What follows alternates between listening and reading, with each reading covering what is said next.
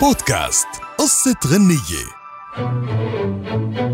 بمساء يوم 20 مارس من العام 1958 ذهب الشاعر الكبير حسين السيد لزيارة والدته بمنزلها بعد يوم شاق وطويل من العمل.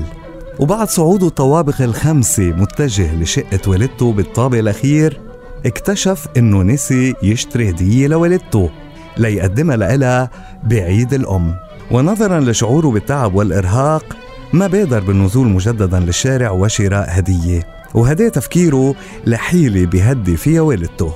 أخرج حسين السيد ورقة وقلم من جيبه وجلس على السلم أمام الشقة وحاول يكتب كلمات يعبر فيها عن حبه وتقديره لوالدته ويقدم لها إياها فور أن تفتح له باب الشقة. انطلقت الكلمات وخرجت بعفوية مطلقة ووجد دون أن يدري إنه كتب الكلمات اللي بتقول. ست الحبايب يا حبيبة يا أغلى من روحي ودمي يا حنينة وكلك طيبة يا رب يخليكي يا أمي.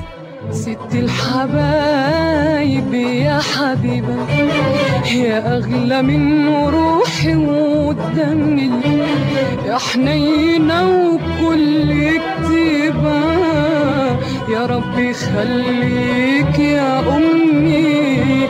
يا رب يخليك يا أمي.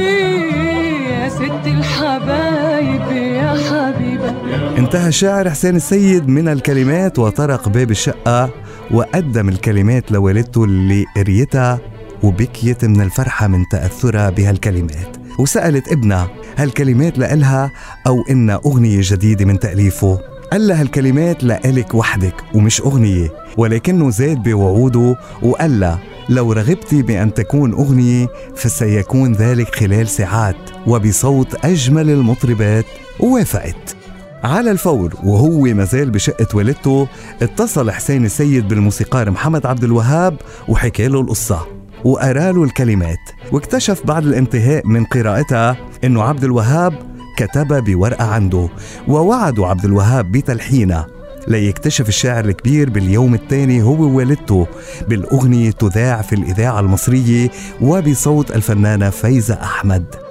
ما كان صاحب هالكلمات عارف بأنها رح تكون إحدى أبرز الأغنيات المرتبطة بالأم وعيدة وتحتفظ بتربعها على هذا العرش أكثر من 63 سنة. وأصبحت هالأغنية بمثابة نشيد وطني للأم في كل العالم العربي. لو عشت طول عمري جمايلي الغالية علي أجيب من عمري كفي ولاقي فين أغلى هدية؟